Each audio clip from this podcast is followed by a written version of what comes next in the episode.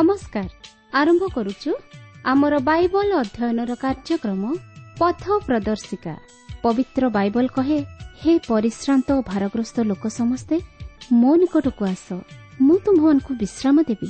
ଆସନ୍ତୁ ସେହି ଜୀବନଦାତାଙ୍କର ପରିଚୟ ପାଇ ଜୀବନରେ ବାସ୍ତବ ଶାନ୍ତି ଓ ମୁକ୍ତି ପାଇବା ନିମନ୍ତେ ଶୁଣିବା ବେତାର କାର୍ଯ୍ୟକ୍ରମ ପଥ ପ୍ରଦର୍ଶିକା।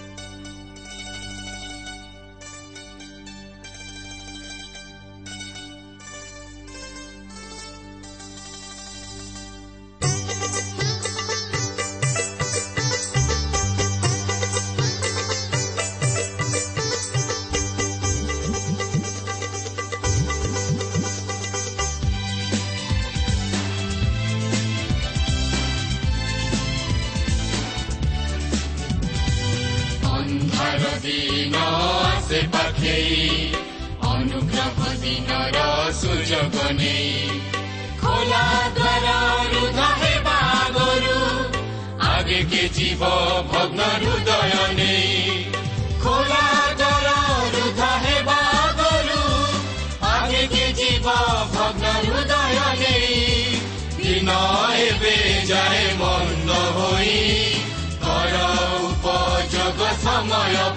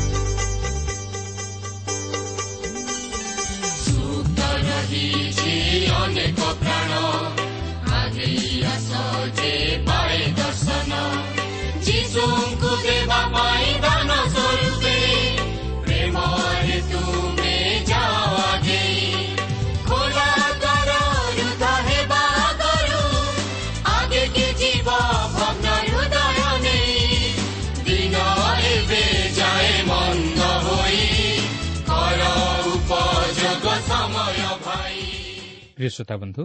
ଆଜିର ଏହି ଶୁଭ ଅବସରରେ ଆମମାନଙ୍କର ସୃଷ୍ଟିକର୍ତ୍ତା ତଥା ଉଦ୍ଧାରକର୍ତ୍ତା ପ୍ରଭୁ ଯୀଶୁଖ୍ରୀଷ୍ଟଙ୍କ ବହୁମୂଲ୍ୟ ନାମରେ ଶୁଭେଚ୍ଛା ଜଣାଏ। ଆଜିର ଏହି ପଥ ପ୍ରଦର୍ଶିକା କାର୍ଯ୍ୟକ୍ରମକୁ ଆପଣଙ୍କୁ ସ୍ୱାଗତ ଜଣାଏ। ଆପଣଙ୍କର ମତାମତ ତଥା ହୃଦୟସ୍ପର୍ଶୀ ସାକ୍ଷ୍ୟ ନିମନ୍ତେ ବିଶେଷ ଧନ୍ୟବାଦ। ପ୍ରଭୁ ଯୀଶୁ ଯେ ଆପଣଙ୍କ ହୃଦୟରେ କଥା କହିଛନ୍ତି ଆଉ ସେ ଯେ ଆପଣଙ୍କର ସମସ୍ୟା ସମାଧାନ କରିଅଛନ୍ତି ତାହା ଜାଣି ଆମେ ପ୍ରଭୁଙ୍କ ନାମକୁ ଧନ୍ୟବାଦ ଦେଉ।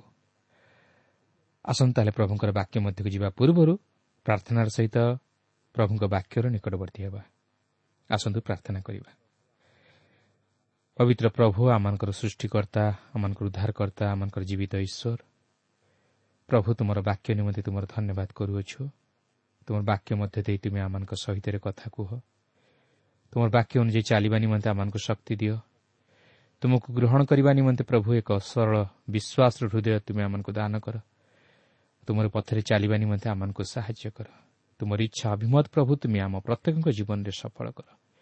ପ୍ରତ୍ୟେକ ଶ୍ରୋତାବନ୍ଧୁମାନଙ୍କୁ ପ୍ରଭୁ ତୁମର ଆଶୀର୍ବାଦ ଅନୁଗ୍ରହ ଦେଇ ପ୍ରଭୁ ତୁମେ କଢ଼ାଇ ନିଅ। ଯୀଶୁଙ୍କ ନାମରେ ମାଗୁଅଛୁ ଆମେନ୍।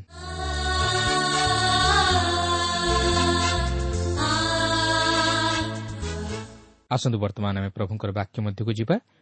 ଆଜି ଆମେ ଦ୍ୱିତୀୟ ବିବରଣ ପୁସ୍ତକର ଆଠ ପର୍ବର ପ୍ରଥମ ପଦରୁ ଆରମ୍ଭ କରି ନଅ ପର୍ବର ଛଅ ପଦ ପର୍ଯ୍ୟନ୍ତ ଅଧ୍ୟୟନ କରିବା ନିମନ୍ତେ ଯିବା। ବର୍ତ୍ତମାନ ଆମେ ଆଠ ପର୍ବଟିକୁ ଅଧ୍ୟୟନ କରିବାକୁ ଯିବା ଯେଉଁଠାରେ ଈଶ୍ୱର ମୂଷାଙ୍କ ଦ୍ୱାରା ଇସ୍ରାଏଲ୍ର ନୂତନ ବଂଶଧରଙ୍କୁ ଅତୀତରେ ଘଟିଥିବା ଘଟଣାଗୁଡ଼ିକୁ ସ୍ମରଣ କରାଇଦେଇ ଭବିଷ୍ୟତ ନିମନ୍ତେ ଏକ ସାନ୍ତ୍ୱନା ତଥା ଉତ୍ସାହ ପ୍ରଦାନ କରନ୍ତି ଯେପରି ସେମାନେ ନିରୁତ୍ସାହିତ ନ ହୋଇ ଈଶ୍ୱରଙ୍କଠାରେ ବିଶ୍ୱାସ ସ୍ଥାପନ କରି ତାଙ୍କର ବାଧ୍ୟ ହୋଇ ସେହି କିଣା ଦେଶରେ ସୁଖ ଓ ଶାନ୍ତିରେ କାଳାତିପାତ କରନ୍ତି। ତେଣୁ ମୂଷା ସେମାନଙ୍କ ନିକଟରେ ଈଶ୍ୱରଙ୍କ ଦତ୍ତ ବ୍ୟବସ୍ଥାକୁ ପୁନର୍ବାର ପ୍ରତିଷ୍ଠିତ କରିବାକୁ ଯାଇ ଧର୍ମ ସମ୍ବନ୍ଧୀୟ ଓ ଜାତୀୟ ସ୍ତରରେ କେତେକ ନୀତିନିୟମ ପ୍ରଦାନ କରୁଅଛନ୍ତି ଯାହାକୁ ପାଳନ କରିବା ଦ୍ୱାରା ସେମାନେ ଆଶୀର୍ବାଦର ଅଧିକାରୀ ହେବେ। ତେବେ ଏହି ସମସ୍ତ ବ୍ୟବସ୍ଥା ବା ନୀତିନିୟମ ଆମେ ଏକୋଇଶ ପର୍ବ ପର୍ଯ୍ୟନ୍ତ ମଧ୍ୟ ଦେଖିବାକୁ ପାରିବା। କିନ୍ତୁ ଏହି ସମସ୍ତ ଯେପରି ସେହି ଇସ୍ରାଏଲ୍ ଲୋକମାନେ ପାଳନ କରି ଈଶ୍ୱରଙ୍କର ବଶୀଭୂତ ହୋଇ ରୁହନ୍ତି ଏଥିନିମନ୍ତେ ମୂଷା ସଦାପ୍ରଭୁଙ୍କର ଆଦେଶ ଅନୁଯାୟୀ ସେମାନଙ୍କୁ ସେମାନଙ୍କର ଅତୀତ ଜୀବନର ଘଟଣାଗୁଡ଼ିକୁ ସ୍ମରଣ କରାଇ ଉତ୍ସାହ ପ୍ରଦାନ କରନ୍ତି। କିନ୍ତୁ ଏଠାରେ ମୁଁ ଆପଣଙ୍କୁ ସ୍ମରଣ କରାଇଦିଏ ଯେ ସେହି ଇସ୍ରାଏଲ୍ର ନୂତନ ବଂଶଧର ଜର୍ଦ୍ଦନ ନଦୀର ପୂର୍ବ ପାରିରେ ଅଛନ୍ତି।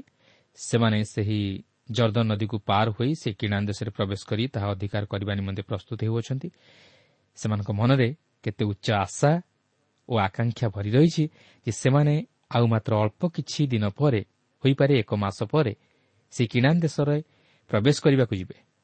କିନ୍ତୁ ଏଥିପୂର୍ବରୁ ମୂଷା ସେମାନଙ୍କୁ ପ୍ରସ୍ତୁତ କରାଉଛନ୍ତି ଓ ସେମାନଙ୍କୁ ଉତ୍ସାହ ପ୍ରଦାନ କରନ୍ତି ଯେପରି ସେମାନେ ଈଶ୍ୱରଙ୍କ ଆଜ୍ଞାର ବଶୀଭୂତ ହୋଇ ସେହି ଦେଶରେ ପ୍ରବେଶ କରି ଆଶୀର୍ବାଦର ଅଧିକାରୀ ହୁଅନ୍ତି। କାରଣ ସେମାନଙ୍କର ସୁଖ ଓ ଶାନ୍ତିକର ଜୀବନ ସେମାନଙ୍କର ଈଶ୍ୱରଙ୍କ ପ୍ରତି ବାଧ୍ୟତାର ଜୀବନ ଉପରେ ନିର୍ଭର କରୁଥିଲା। ତେଣୁକରି ଅତୀତରେ ଈଶ୍ୱର ସେମାନଙ୍କ ପିତୃପୁରୁଷମାନଙ୍କ ଜୀବନରେ ଯେଉଁପରି ଭାବରେ ସମସ୍ତ ବିଷୟ ସାଧନ କରିଥିଲେ ଓ ସେ ସେମାନଙ୍କ ସହିତ ଯେଉଁପରି ବ୍ୟବହାର କରିଥିଲେ ତାହା ମୂଷା ଏଠାରେ ସେମାନଙ୍କ ନିକଟରେ ଉପସ୍ଥାପିତ କରି ସେମାନଙ୍କୁ ସ୍ମରଣ କରାଇ ଦେଇ ଉତ୍ସାହ ପ୍ରଦାନ କରନ୍ତି ଯେପରି ସେମାନେ ଈଶ୍ୱରଙ୍କର ସମସ୍ତ ମଙ୍ଗଳଦାନକୁ ଓ ତାହାଙ୍କର ସମସ୍ତ ଆଶ୍ଚର୍ଯ୍ୟ କର୍ମକୁ ହେଜ କରି ତାହାଙ୍କର ବାଧ୍ୟ ହୋଇ ସେହି କିଣା ଦେଶରେ ଆଶୀର୍ବାଦର ଅଧିକାରୀ ହୁଅନ୍ତି। ଦେଖନ୍ତୁ ଆଠ ପର୍ବର ପ୍ରଥମ ଦୁଇ ପଦରେ ଏହିପରି ଲେଖା ଅଛି ଆଜି ମୁଁ ତୁମ୍ଭକୁ ଯେ ସମସ୍ତ ଆଜ୍ଞା ଦେଉଅଛି ତାହା ସବୁ ତୁମ୍ଭେମାନେ ମନୋଯୋଗ କରି ପାଳନ କରିବ ତାହେଲେ ତୁମେମାନେ ବଞ୍ଚିବ ଓ ବର୍ଦ୍ଧିଷ୍ଣୁ ହେବ। ଆଉ ସଦାପ୍ରଭୁ ଯେଉଁ ଦେଶ ବିଷୟରେ ତୁମାନଙ୍କ ପୂର୍ବପୁରୁଷଗଣ ନିକଟରେ ଶପଥ କରିଅଛନ୍ତି ସେହି ଦେଶରେ ପ୍ରବେଶ କରି ତାହା ଅଧିକାର କରିବ ପୁଣି ତୁମ୍ଭେ ତାହାଙ୍କ ଆଜ୍ଞା ପାଳନ କରିବ କି ନାହିଁ ଏ ବିଷୟରେ ତୁମର ପରୀକ୍ଷା ନେବା ପାଇଁ ଓ ତୁମର ମାନସ ଜାଣିବା ପାଇଁ ଓ ତୁମକୁ ନମ୍ର କରିବା ପାଇଁ ସଦାପ୍ରଭୁ ତୁମ ପରମେଶ୍ୱର ଏହି ଚାଳିଶ ବର୍ଷ ପ୍ରାନ୍ତର ମଧ୍ୟରେ ତୁମକୁ ଯେ ସକଳ ପଥରେ ଗମନ କରାଇଅଛନ୍ତି ତାହା ସ୍ମରଣ କର। ଏହି ଅଂଶରେ ଆପଣ ଦୁଇଟି ବିଷୟ ଲକ୍ଷ୍ୟ କରିବେ। ପ୍ରଥମେ ସେ ସେମାନଙ୍କୁ ଈଶ୍ୱରଙ୍କ ଆଜ୍ଞାର ବାଧ୍ୟ ହେବା ନିମନ୍ତେ ଉତ୍ସାହ ପ୍ରଦାନ କରନ୍ତି। ଯେପରି ସେମାନେ ଈଶ୍ୱରଙ୍କର ବଶୀଭୂତ ହୋଇ ସେହି ପ୍ରତିଘାତ ଦେଶର ଅଧିକାରୀ ହୋଇ ତହିଁର ଫଳ ଭୋଗ କରନ୍ତି। ଦ୍ୱିତୀୟରେ ସେହି ଆଜ୍ଞା ପାଳନ କରିବା ନେଇ ସେ ସେମାନଙ୍କୁ ସେମାନଙ୍କର ଅତୀତର ଜୀବନକୁ ସ୍ମରଣ କରାଇ ଦିଅନ୍ତି। କାରଣ ସେହି ଦୀର୍ଘ ଚାଳିଶ ବର୍ଷ ଧରି ପ୍ରାନ୍ତର ଭ୍ରମଣ ସେମାନଙ୍କ ପ୍ରତି ଏକ ପରୀକ୍ଷାର ସମୟ ଥିଲା। ଯେପରି ସେମାନେ ଈଶ୍ୱରଙ୍କ ନିକଟରେ ନମ୍ର ହୁଅନ୍ତି ଓ ନିଜର ଦୁର୍ବଳତା ବିଷୟ ସବୁ ଜାଣି ଈଶ୍ୱରଙ୍କ ଆଜ୍ଞାର ବାଧ୍ୟ ହୋଇ ଆଶୀର୍ବାଦର ଅଧିକାରୀ ହୁଅନ୍ତି ଓ ଈଶ୍ୱରଙ୍କର ଆଜ୍ଞାବହ ହୋଇ ଏକ ଆଦର୍ଶ ଜୀବନଯାପନ କରନ୍ତି। ତେଣୁକରି ମୂଷା ସେହି ଅତୀତର ପ୍ରାନ୍ତର ଭ୍ରମଣର ଅନୁଭୂତିକୁ ଏଠାରେ ସ୍ମରଣ କରାଇ ଦିଅନ୍ତି ଯେପରି ସେମାନେ ସେହିସବୁ ବିଷୟକୁ ସ୍ମରଣ କରି ଈଶ୍ୱରଙ୍କର ବାଧ୍ୟ ହୁଅନ୍ତି। ପ୍ରିୟ ବନ୍ଧୁ ବାସ୍ତବରେ ଆମେ ଯଦି ନିଜର ଅତୀତ ଜୀବନକୁ ସ୍ମରଣ କରିବା ତାହେଲେ ଆମେ ନିଜର ସମସ୍ତ ଉତ୍ଥାନ ଓ ପତନ ବିଷୟରେ ଜାଣିପାରିବା। ସେହିସବୁ ସ୍ମରଣ କରିବା ଦ୍ୱାରା ଆମେ ଈଶ୍ୱରଙ୍କର ବାସ୍ତବ ପ୍ରେମକୁ ଜାଣିପାରିବା। ପ୍ରିୟ ବନ୍ଧୁ ଆଜି ଯଦି ଆପଣ ପ୍ରଭୁ ଯୀଶୁଖ୍ରୀଷ୍ଟଙ୍କଠାରେ ବିଶ୍ୱାସ କରିବା ଦ୍ୱାରା ଜୀବନରେ ଅନେକ ଉତ୍ଥାନ ଓ ପତନ ମଧ୍ୟ ଦେଇ ଗତି କରୁଅଛନ୍ତି ତାହା ଜାଣି ରଖନ୍ତୁ ଏହି ସମସ୍ତ ଆପଣଙ୍କର ମଙ୍ଗଳ ନିମନ୍ତେ କିନ୍ତୁ ଅମଙ୍ଗଳ ନିମନ୍ତେ ନୁହେଁ। ଯେପରି ଆପଣ ଅଧିକରୁ ଅଧିକ ତାଙ୍କର ନିକଟବର୍ତ୍ତୀ ହୋଇ ତାଙ୍କ ବାକ୍ୟର ବଶୀଭୂତ ହୋଇ ଏକ ପବିତ୍ର ଜୀବନ ଯାପନ କରିବାକୁ ପାରନ୍ତି। ତେଣୁ ଆପଣ ଯଦି ପ୍ରଭୁରେ ରହି ଅନେକ ଘାତ ପ୍ରତିଘାତ ମଧ୍ୟ ଦେଇ ଜୀବନ ଅତିବାହିତ କରୁଅଛନ୍ତି ତାହେଲେ ଜାଣି ରଖନ୍ତୁ ଈଶ୍ୱର ଆପଣଙ୍କୁ ତାଙ୍କର ନିକଟବର୍ତ୍ତୀ କରାଇବାକୁ ଚାହାନ୍ତି। ଓ ସେ ଆପଣଙ୍କ ଜୀବନରୁ ସେହି ନମ୍ରତା ଓ ବାଧ୍ୟତା ଚାହାନ୍ତି ଯେପରି ଆପଣ ସମ୍ପୂର୍ଣ୍ଣ ରୂପେ ତାହାଙ୍କ ନିକଟରେ ସମର୍ପିତ ଜୀବନଯାପନ କରିବାକୁ ପାରନ୍ତି। ସେଦିନ ସେହି ଇସ୍ରାଏଲ୍ ସନ୍ତାନଗଣ ପ୍ରାନ୍ତର ମଧ୍ୟରେ ଦୀର୍ଘ ଚାଳିଶ ବର୍ଷ ଧରି ଯଦିଓ ଭ୍ରମଣ କରିଥିଲେ ମାତ୍ର ଈଶ୍ୱର ସେମାନଙ୍କର ଭାର ବହନ କରିଥିଲେ। ଓ ସେମାନଙ୍କୁ ଅନେକ ଉତ୍ଥାନ ଓ ପତନ ମଧ୍ୟ ଦେଇ କଢ଼ାଇ ନେଇଥିଲେ। ଯଦିଓ ସେମାନେ ଈଶ୍ୱରଙ୍କର ବାଧ୍ୟ ହୋଇପାରି ନଥିଲେ ତଥାପି ଈଶ୍ୱର ସେମାନଙ୍କ ପ୍ରତି ଦୃଷ୍ଟି ରଖିଥିଲେ। ତେଣୁ ମୂଷା ସେମାନଙ୍କୁ ସେହିସବୁ ବିଷୟ ସ୍ମରଣ କରାଇ ଦିଅନ୍ତି ଯେପରି ସେମାନେ ଈଶ୍ୱରଙ୍କର ଦୟା ଓ ଅନୁଗ୍ରହକୁ ସ୍ମରଣ କରି ତାଙ୍କର ଆଜ୍ଞା ସମସ୍ତ ପାଳନ କରି ଆଶୀର୍ବାଦର ଅଧିକାରୀ ହୁଅନ୍ତି। ଯଦିଓ ସେମାନଙ୍କର ପିତୃପୁରୁଷମାନେ ଈଶ୍ୱରଙ୍କ ଆଜ୍ଞା ପାଳନ କରିବାରେ ବିଫଳ ହେଲେ ତଥାପି ଈଶ୍ୱର ସେମାନଙ୍କୁ ଆଶୀର୍ବାଦ କରିଥିଲେ। ଓ ସେମାନଙ୍କର ଭାର ବହନ କରିଥିଲେ। ପ୍ରିୟ ବନ୍ଧୁ ଏହି ଜଗତରେ ଆମମାନଙ୍କ ଜୀବନରେ ଅନେକ ଦୁଃଖ କ୍ଲେଶ ଓ ସମସ୍ୟା ମଧ୍ୟ ଆସିବ। ମାତ୍ର ଏହି ସମସ୍ତ ସତ୍ତ୍ୱେ ଯଦି ଆମେ ନିଜକୁ ନମ୍ର କରି ସରଳ ହୃଦୟ ତଥା ମନ ନେଇ ପ୍ରଭୁ ଯୀଶୁଙ୍କର ନିକଟବର୍ତ୍ତୀ ହେଉ ଓ ତାହାଙ୍କ ବାକ୍ୟ ଅନୁଯାୟୀ ତାଙ୍କର ବାଧ୍ୟ ହୋଇ ତାଙ୍କଠାରେ ନିଜକୁ ସମର୍ପଣ କରୁ ତାହେଲେ ସେ ଆମମାନଙ୍କୁ ନିଶ୍ଚିତ ରକ୍ଷା କରିବେ ଓ ସେ ଆମମାନଙ୍କର ପ୍ରାର୍ଥନା ଶୁଣି ସମସ୍ତ ଅବସ୍ଥାରେ ଆମମାନଙ୍କର ସହାୟ ହୋଇ ଆମକୁ ରକ୍ଷା କରିବେ। କାରଣ ସେ ତାହାଙ୍କର ବାକ୍ୟରେ ଏହା ପ୍ରକାଶ କରିଅଛନ୍ତି ଓ ସେ ତାହା ନିଶ୍ଚୟ ସାଧନ କରିବେ। ତେଣୁ ଯଦି ସେହି ଖ୍ରୀଷ୍ଟ ଯୀଶୁଙ୍କଠାରେ ବିଶ୍ୱାସ କରି ତାହାଙ୍କ ନିମନ୍ତେ ସମସ୍ତ ପରୀକ୍ଷା ସହ୍ୟ କରୁ ତାହେଲେ ଆମେ ସେହି ଆତ୍ମିକ ଆଶୀର୍ବାଦ ତଥା ଆତ୍ମିକ ସୁଖ ଓ ଶାନ୍ତିର ଅଧିକାରୀ ହେବା ସଙ୍ଗେ ସଙ୍ଗେ ସେହି ଅନନ୍ତ ତଥା ସ୍ୱର୍ଗୀୟ ରାଜ୍ୟରେ ପ୍ରବେଶ କରି ଅନନ୍ତ କାଳ ସ୍ୱର୍ଗୀୟ ସୁଖ ଭୋଗ କରିବା। ଏହାପରେ ଆଠ ପର୍ବର ତିନି ପଦରେ ଲେଖା ଅଛି ଆଉ ମନୁଷ୍ୟ ଯେ କେବଳ ରୁଟିରେ ବଞ୍ଚେ ନାହିଁ ମାତ୍ର ସଦାପ୍ରଭୁଙ୍କ ମୁଖରୁ ଯାହା ଯାହା ନିର୍ଗତ ହୁଏ ତହିଁରେ ହିଁ ବଞ୍ଚେ ଏହା ତୁମକୁ ଜଣାଇବା ପାଇଁ ସେ ତୁମକୁ ନମ୍ର ଓ କ୍ଷୁଧିତ କରି ତୁମ୍ଭର ଅଜ୍ଞାତ ଓ ତୁମ୍ଭ ପୂର୍ବପୁରୁଷଗଣର ଅଜ୍ଞାତ ମାନ୍ନା ଦେଇ ପ୍ରତିପାଳନ କରିଅଛନ୍ତି। ଆପଣ ଦେଖିବେ ମାଥ୍ୟୁ ଚାରିପର୍ବର ଚାରିପଦରେ ଓ ଲୋକ ଚାରିପର୍ବର ଚାରିପଦରେ ଯୀଶୁ ଏହି ବିଷୟ ନେଇ ମଧ୍ୟ ପ୍ରକାଶ କରିଥିବାର ଲକ୍ଷ୍ୟ କରିବାକୁ ପାରିବେ। କାରଣ ଶାରୀରିକ ଜୀବନରେ ବଞ୍ଚି ରହିବାକୁ ହେଲେ ଖାଦ୍ୟର ଯେପରି ପ୍ରୟୋଜନ ସେହିପରି ଆତ୍ମିକ ଜୀବନରେ ବଞ୍ଚି ରହିବାକୁ ହେଲେ ଈଶ୍ୱରଙ୍କର ବାକ୍ୟ ନିତାନ୍ତ ପ୍ରୟୋଜନ। ଈଶ୍ୱର ଆମକୁ ଶାରୀରିକ ଜୀବନରେ ବଞ୍ଚି ରହିବା ନିମନ୍ତେ ବା ଏହି ଜଗତରେ ଜୀବନ ଧାରଣ କରିବା ନିମନ୍ତେ ଯେଉଁ ସମସ୍ତ ଆବଶ୍ୟକୀୟ ଶାରୀରିକ ବିଷୟ ପ୍ରଦାନ କରିଅଛନ୍ତି ଏହାଦ୍ୱାରା ସେ ଚାହାନ୍ତି ଆମେ ଯେପରି ତାଙ୍କର ସମସ୍ତ ମଙ୍ଗଳଦାନକୁ ସ୍ମରଣ କରି ତାଙ୍କର ବାକ୍ୟର ବଶୀଭୂତ ହେଉ ଓ ତାଙ୍କ ବାକ୍ୟରେ ମନୋଯୋଗୀ ହେଉ ଓ ତାହାଙ୍କ ବାକ୍ୟ ଅନୁଯାୟୀ ଜୀବନଯାପନ କରୁ ସେଦିନ ସେ ଇସ୍ରାଏଲ୍ ସନ୍ତାନଗଣକୁ ସେହି ପ୍ରାନ୍ତର ମଧ୍ୟରେ ମାନ୍ନା ଯୋଗାଇଥିଲେ ଓ ଏହି ମାନ୍ନା ଏକ ସ୍ୱର୍ଗୀୟ ଆହାର ଥିଲା କାରଣ ଏହା ଈଶ୍ୱର ଦତ୍ତ ଅନ୍ନ ଥିଲା। ଆଉ ଏହି ମାନ୍ନା ଧଣିଆ ପରି ଓ ତହିଁର ଦୃଶ୍ୟ ମୁକ୍ତା ସଦୃଶ ଥିଲା। ଆଉ ତୈଳ ପକ୍ୱ ପିଠା ପରି ତହିଁର ସ୍ୱାଦ ଥିଲା। କିନ୍ତୁ ଈଶ୍ୱର ସେମାନଙ୍କୁ ଏହି ମାନ୍ନା ଯୋଗାଇବା ପଛରେ ଏକ କାରଣ ଥିଲା ତାହା ହେଉଛି ସେମାନେ ଯେପରି ଈଶ୍ୱରଙ୍କର ସମସ୍ତ ଆଶୀର୍ବାଦ ଓ ମଙ୍ଗଳଦାନକୁ ସ୍ମରଣ କରି ତାଙ୍କର ଆଜ୍ଞାବହ ହେବେ। ପ୍ରିୟ ବନ୍ଧୁ ଈଶ୍ୱର ଆଜି ଆପଣଙ୍କୁ ଆଶୀର୍ବାଦ କରିଅଛନ୍ତି ଓ ସେ ଆପଣଙ୍କର ଭାର ବହନ କରି ସମସ୍ତ ମଙ୍ଗଳ ବିଷୟ ଆପଣଙ୍କୁ ପ୍ରଦାନ କରିଅଛନ୍ତି। ଯେପରି ଆପଣ ସେହିସବୁକୁ ସ୍ମରଣ କରି ତାଙ୍କର ବାକ୍ୟର ବଶୀଭୂତ ହୋଇ ରୁହନ୍ତି ଓ ତାଙ୍କର ବାକ୍ୟରେ ମନୋଯୋଗୀ ହୋଇ ତାଙ୍କ ଗୌରବ ଓ ମହିମା ରକ୍ଷା କରନ୍ତି। କାରଣ ଏହା ହିଁ ହେଉଛି ଈଶ୍ୱରଙ୍କର ପ୍ରଧାନ ଉଦ୍ଦେଶ୍ୟ ଯେ ମଣିଷ ଯେପରି ତାଙ୍କର ବାକ୍ୟର ଆଜ୍ଞାବହ ହେଉ ଓ ନିଜକୁ ନମ୍ର କରି ତାହାଙ୍କ ନିକଟରେ ଏକ ସମର୍ପିତ ଜୀବନଯାପନ କରୁ। ତେଣୁ ଆପଣ ନିଜକୁ ପ୍ରଶ୍ନ କରନ୍ତୁ ଯେ ଆପଣ ଈଶ୍ୱରଙ୍କଠାରୁ ଯେଉଁ ସମସ୍ତ ଆଶୀର୍ବାଦ ମଙ୍ଗଳଦାନ ପାଇଛନ୍ତି ତହିଁ ପରିବର୍ତ୍ତେ ଆପଣ ଈଶ୍ୱରଙ୍କ ନିମନ୍ତେ କ'ଣ କରିପାରିଛନ୍ତି? କିନ୍ତୁ ଆଜି ପ୍ରାୟ ଅନେକ ଲୋକ କେବଳ ଏକତରଫା ଜୀବନ ହୋଇଥାନ୍ତି ସେମାନେ ଈଶ୍ୱରଙ୍କ ନିକଟରେ କେବଳ ମାଗନ୍ତି ମାତ୍ର ଈଶ୍ୱରଙ୍କୁ କିଛି ଦିଅନ୍ତି ନାହିଁ। ସେମାନେ ଜଗତ ନିମନ୍ତେ ସମୟ ଦିଅନ୍ତି ମାତ୍ର ଈଶ୍ୱରଙ୍କ ନିମନ୍ତେ ସମୟ ଦେଇପାରନ୍ତି ନାହିଁ। ସେମାନେ ଜଗତର ଲୋକଙ୍କୁ ଖୁସି କରାଇବା ପାଇଁ ଚାହାନ୍ତି ମାତ୍ର ଈଶ୍ୱରଙ୍କୁ ଖୁସି କରାଇବା ନିମନ୍ତେ ବା ଈଶ୍ୱରଙ୍କୁ ସନ୍ତୁଷ୍ଟ କରାଇବା ନିମନ୍ତେ ଚେଷ୍ଟା କରନ୍ତି ନାହିଁ।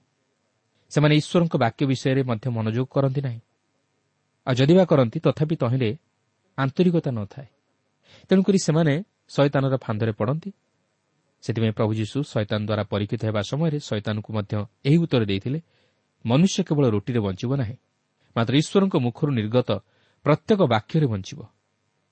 ହଁ ବଞ୍ଚି ରହିବା ନିମନ୍ତେ ଖାଦ୍ୟର ପ୍ରୟୋଜନ। ମାତ୍ର ଏହାର ଅର୍ଥ ନୁହେଁ ଯେ ଆମେ ଖାଦ୍ୟ ନିମନ୍ତେ ବଞ୍ଚିବା। ମାତ୍ର ଆମର ବାସ୍ତବ ବଞ୍ଚି ରହିବା ନିମନ୍ତେ ଈଶ୍ୱରଙ୍କ ବାକ୍ୟ ନିତାନ୍ତ ପ୍ରୟୋଜନ। କାରଣ ଭକ୍ଷ୍ୟ ଅପେକ୍ଷା ଜୀବନ ଓ ବସ୍ତ୍ର ଅପେକ୍ଷା ଶରୀର ଶ୍ରେଷ୍ଠ।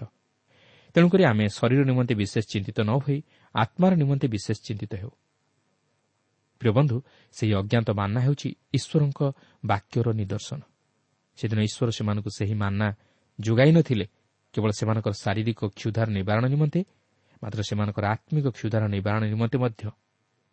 ଯେପରି ସେମାନେ ଈଶ୍ୱରଙ୍କର ମଙ୍ଗଳଦାନକୁ ହେଜ କରି ତାଙ୍କର ଆଜ୍ଞାବହ ହୁଅନ୍ତି ତାହା ହିଁ ଏହି ଅଂଶରେ ମୂଷା ଏହି ନୂତନ ବଂଶଧରକୁ ତାହା ସ୍ମରଣ କରାଇ ଦିଅନ୍ତି ଓ ସେମାନଙ୍କୁ ଉତ୍ସାହ ପ୍ରଦାନ କରନ୍ତି ଯେପରି ସେମାନେ ସେହି ପ୍ରତିଜ୍ଞାତ କିଣା ଦେଶରେ ସେହିସବୁକୁ ସ୍ମରଣ କରି ଈଶ୍ୱରଙ୍କର ଆଜ୍ଞାବହ ହୋଇ ତାହାଙ୍କର ଆଶୀର୍ବାଦର ଅଧିକାରୀ ହୁଅନ୍ତି।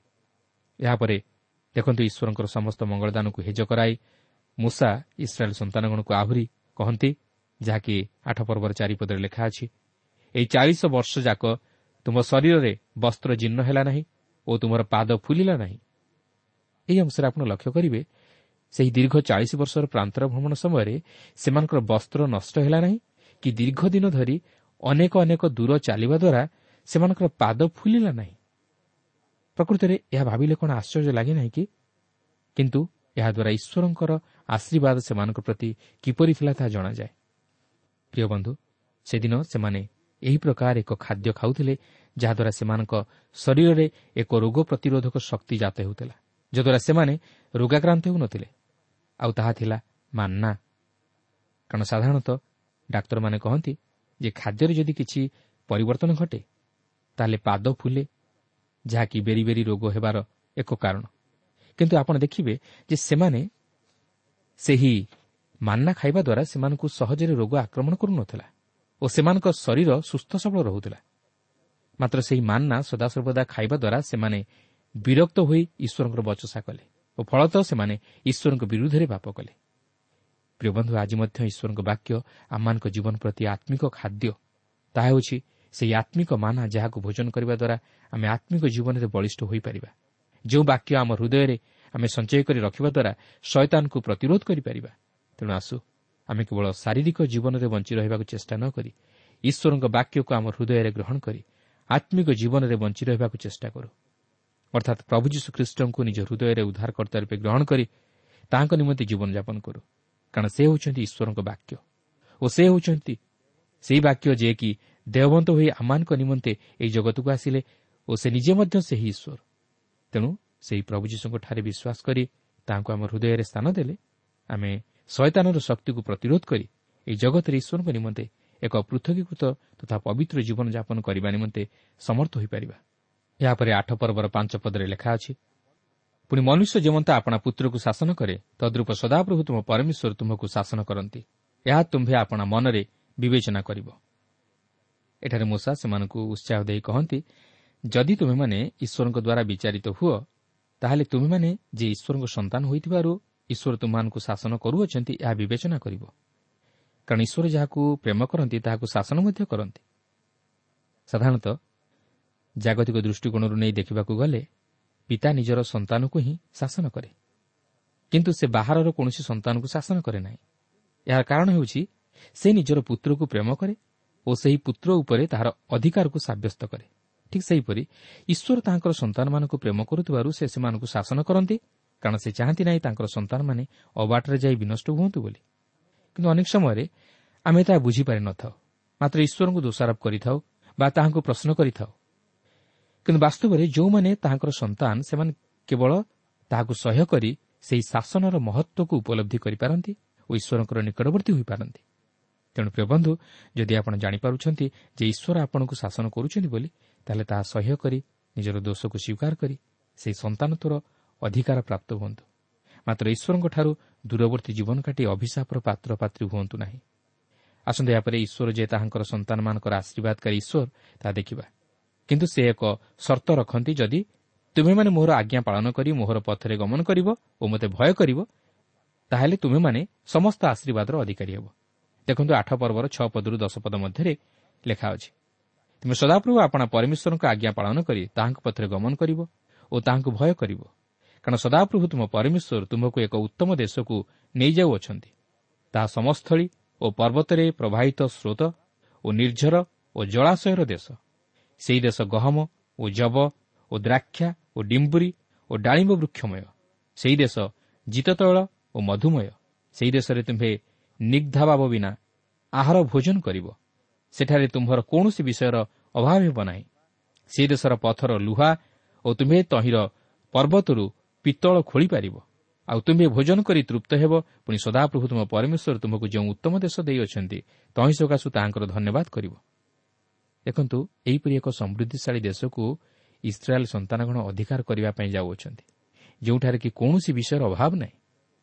କିନ୍ତୁ ଏହି ସମସ୍ତ ବିଷୟର ଉପଭୋଗ କରିବା ପଛରେ ସର୍ତ୍ତ ଥିଲା ଯେ ସେମାନେ ଯଦି ଈଶ୍ୱରଙ୍କର ବାଧ୍ୟ ହୋଇ କେବଳ ତାହାଙ୍କର ସେବା କରନ୍ତି ତାହେଲେ ଏହି ସମସ୍ତ ଆଶୀର୍ବାଦର ଅଧିକାରୀ ହେବେ। ମାତ୍ର ଯଦି ଅବାଧ୍ୟ ହୋଇ ଅନ୍ୟ ଦେବତାଗଣର ସେବା କରିବେ ତାହେଲେ ଏହି ସମସ୍ତ ଆଶୀର୍ବାଦରୁ ବଞ୍ଚିତ ହୋଇ ବିନଷ୍ଟ ହେବେ ଯାହାକି ଏହି ଆଠ ପର୍ବର ଉଣେଇଶ ପଦରେ ଲେଖା ଅଛି। କାରଣ ଯେପରି ପିତା ଚାହାନ୍ତି ନାହିଁ ତାଙ୍କର ପୁତ୍ର ଅବାଟରେ ଯାଉ ଆଉ କାହାକୁ ପିତା ବୋଲି ସମ୍ବୋଧନ କରୁ ବୋଲି? କିଏ ବା କୌଣସି ସ୍ତ୍ରୀ ବା ସ୍ୱାମୀ ଚାହେଁ ନାହିଁ ଯେ ତା'ର ସ୍ତ୍ରୀ ବା ସ୍ୱାମୀ ଆଉ କାହାକୁ ସ୍ତ୍ରୀ ବା ସ୍ୱାମୀ ରୂପେ ଗ୍ରହଣ କରୁ ବୋଲି ଠିକ୍ ସେହିପରି ଈଶ୍ୱର ଚାହାନ୍ତି ନାହିଁ ତାଙ୍କର ସନ୍ତାନ ସନ୍ତତିମାନେ ଆଉ କାହାକୁ ଦେବତା ବୋଲି ମାନି ତାହାର ସେବା କରନ୍ତୁ ବା ତାହାକୁ ପ୍ରଣାମ କରନ୍ତୁ। ତେବେ ଏଠାରେ ମୁଁ ଆପଣଙ୍କ ନିକଟରେ ଏକ ଗୁରୁତ୍ୱପୂର୍ଣ୍ଣ ବିଷୟ ଉପସ୍ଥାପିତ କରିବାକୁ ଚାହେଁ ଯେ ବର୍ତ୍ତମାନ ଆମେ ଏହାକୁ ସେହିପରି ଆକ୍ଷରିକ ଭାବରେ ଚିନ୍ତା କରି ଜାଗତିକ ଆଶୀର୍ବାଦ ସହିତ ତୁଳନା କରିପାରିବା ନାହିଁ କାରଣ ସେହି ସମୟରେ ଇସ୍ରାଏଲ୍ ଜାତିକୁ ସେହି ଦେଶରେ ସମୃଦ୍ଧିଶାଳୀ କରାଇବା ନିମନ୍ତେ ଈଶ୍ୱର ସେମାନଙ୍କ ନିକଟରେ ପ୍ରତିଜ୍ଞା କରିଥିଲେ କିନ୍ତୁ ଏହାର ଅର୍ଥ ନୁହେଁ ଯେ ଆମେ ଯଦି ପ୍ରଭୁ ଯୀଶୁଙ୍କଠାରେ ବିଶ୍ୱାସ କରି ତାହାଙ୍କ ପଛରେ ଅନୁଗମନ କରିବା ତାହେଲେ ଆମେ ସେହିପରି ଜାଗତିକ ତଥା ଅସ୍ଥାୟୀ ଆଶୀର୍ବାଦରେ ଆଶୀର୍ବାଦଯୁକ୍ତ ହେବା। ହଁ ଆମେ ଜାଗତିକ ଆଶୀର୍ବାଦରେ ହୁଏତ ଆଶୀର୍ବାଦ ଯୁକ୍ତ ହୋଇପାରୁ କିନ୍ତୁ ବାଇବଲ ଆତ୍ମିକ ଆଶୀର୍ବାଦ ଉପରେ ବିଶେଷ ଗୁରୁତ୍ୱ ପ୍ରଦାନ କରେ। ତେବେ ଈଶ୍ୱର ଇସ୍ରାଏଲ୍ମାନଙ୍କୁ ଏକ ନିର୍ଦ୍ଦିଷ୍ଟ ଦେଶ ବିଷୟ ନେଇ ଓ ତହିଁରେ ବସବାସ କରିବା ନେଇ କହୁଥିବାରୁ ସେ ସେମାନଙ୍କୁ ଏହିପରି ଭାବେ ସେହି ଦେଶରେ ସମୃଦ୍ଧିଶାଳୀ କରାଇବାକୁ କହନ୍ତି।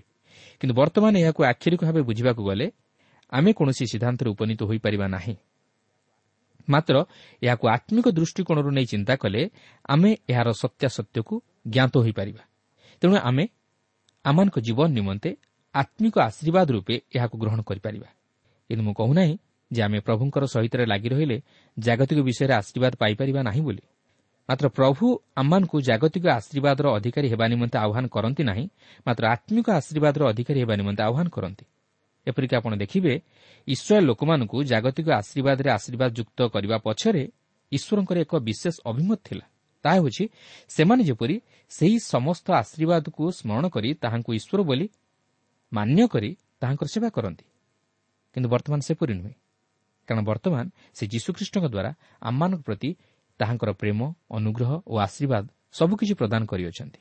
ଆଉ ତାହା ଜାଗତିକ ନୁହେଁ ମାତ୍ର ତାହା ହେଉଛି ଆତ୍ମିକ ତଥା ଚିରସ୍ଥାୟୀ। ସେହି ଅନନ୍ତକାଳୀନ ଆତ୍ମିକ ଆଶୀର୍ବାଦ। ତାହା ହେଉଛି ଅନନ୍ତ ଜୀବନ।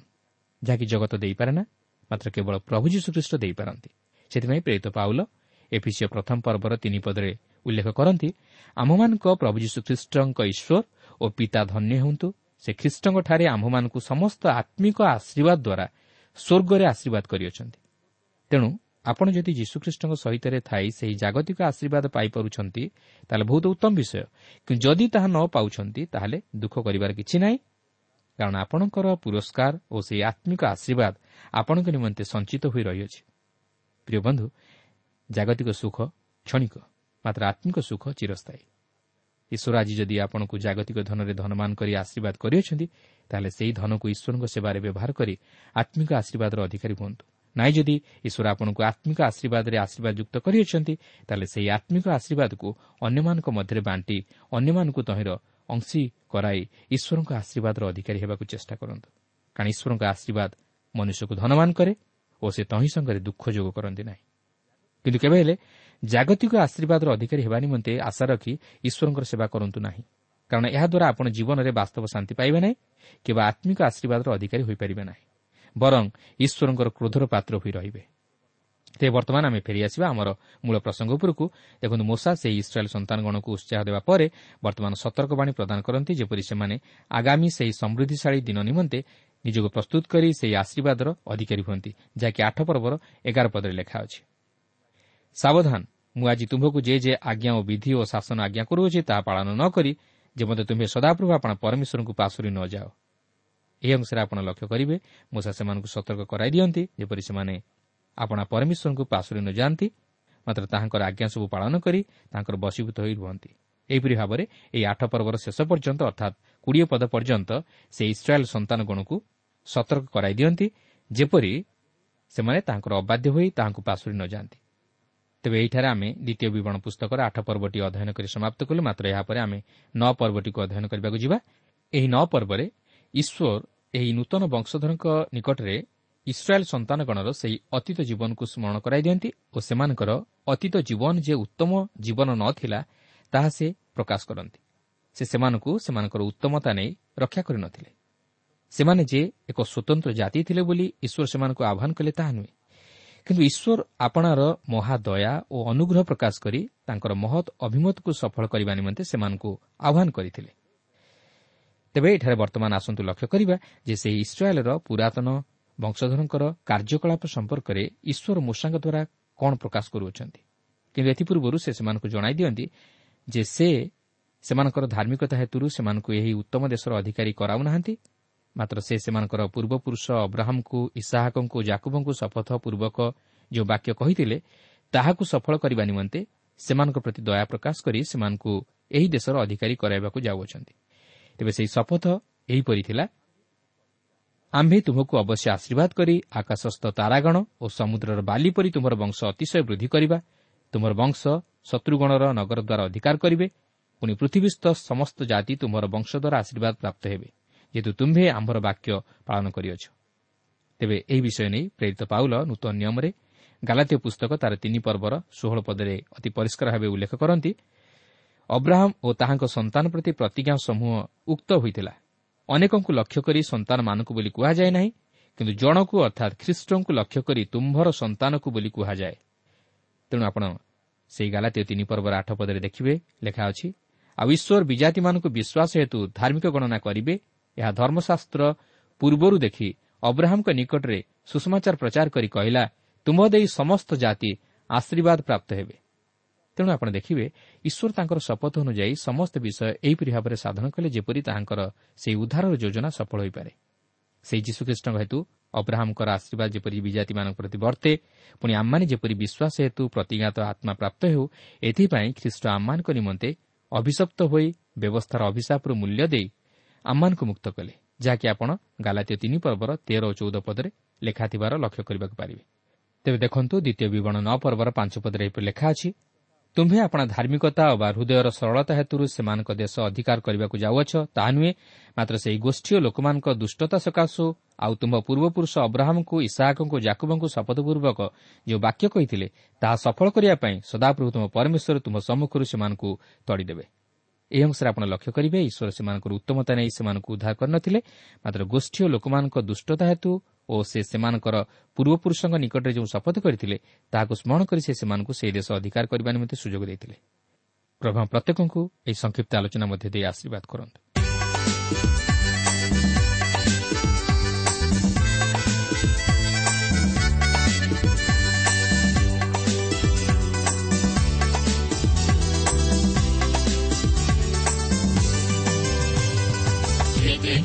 ଏହି ଜଗତେ ଆଜି ପ୍ରଭୁଙ୍କ ପାଇଁ ଦ୍ୱାର ରୁଦ୍ଧ କରନ୍ତି ଦ୍ୱାର ଖୋଲା ଆଜି ତୁମରି ପାଇଁ ନିଅ ସେ ସୁଯୋଗ ସୁଜ୍ଞାନୀ ହୋଇ ଖୋଲା ଦ୍ୱାର ରୁଦ୍ଧ ହେବା ଆଗରୁ ଆଗେକି ଯିବ ଭଗ୍ନ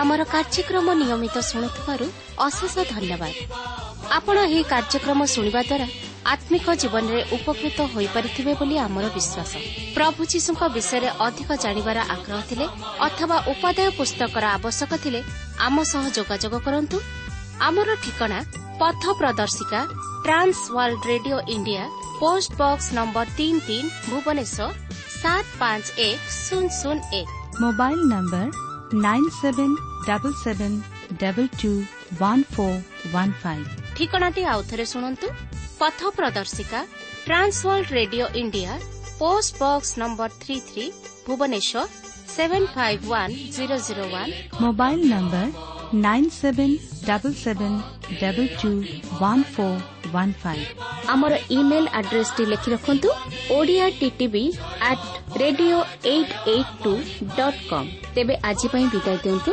ନମସ୍କାର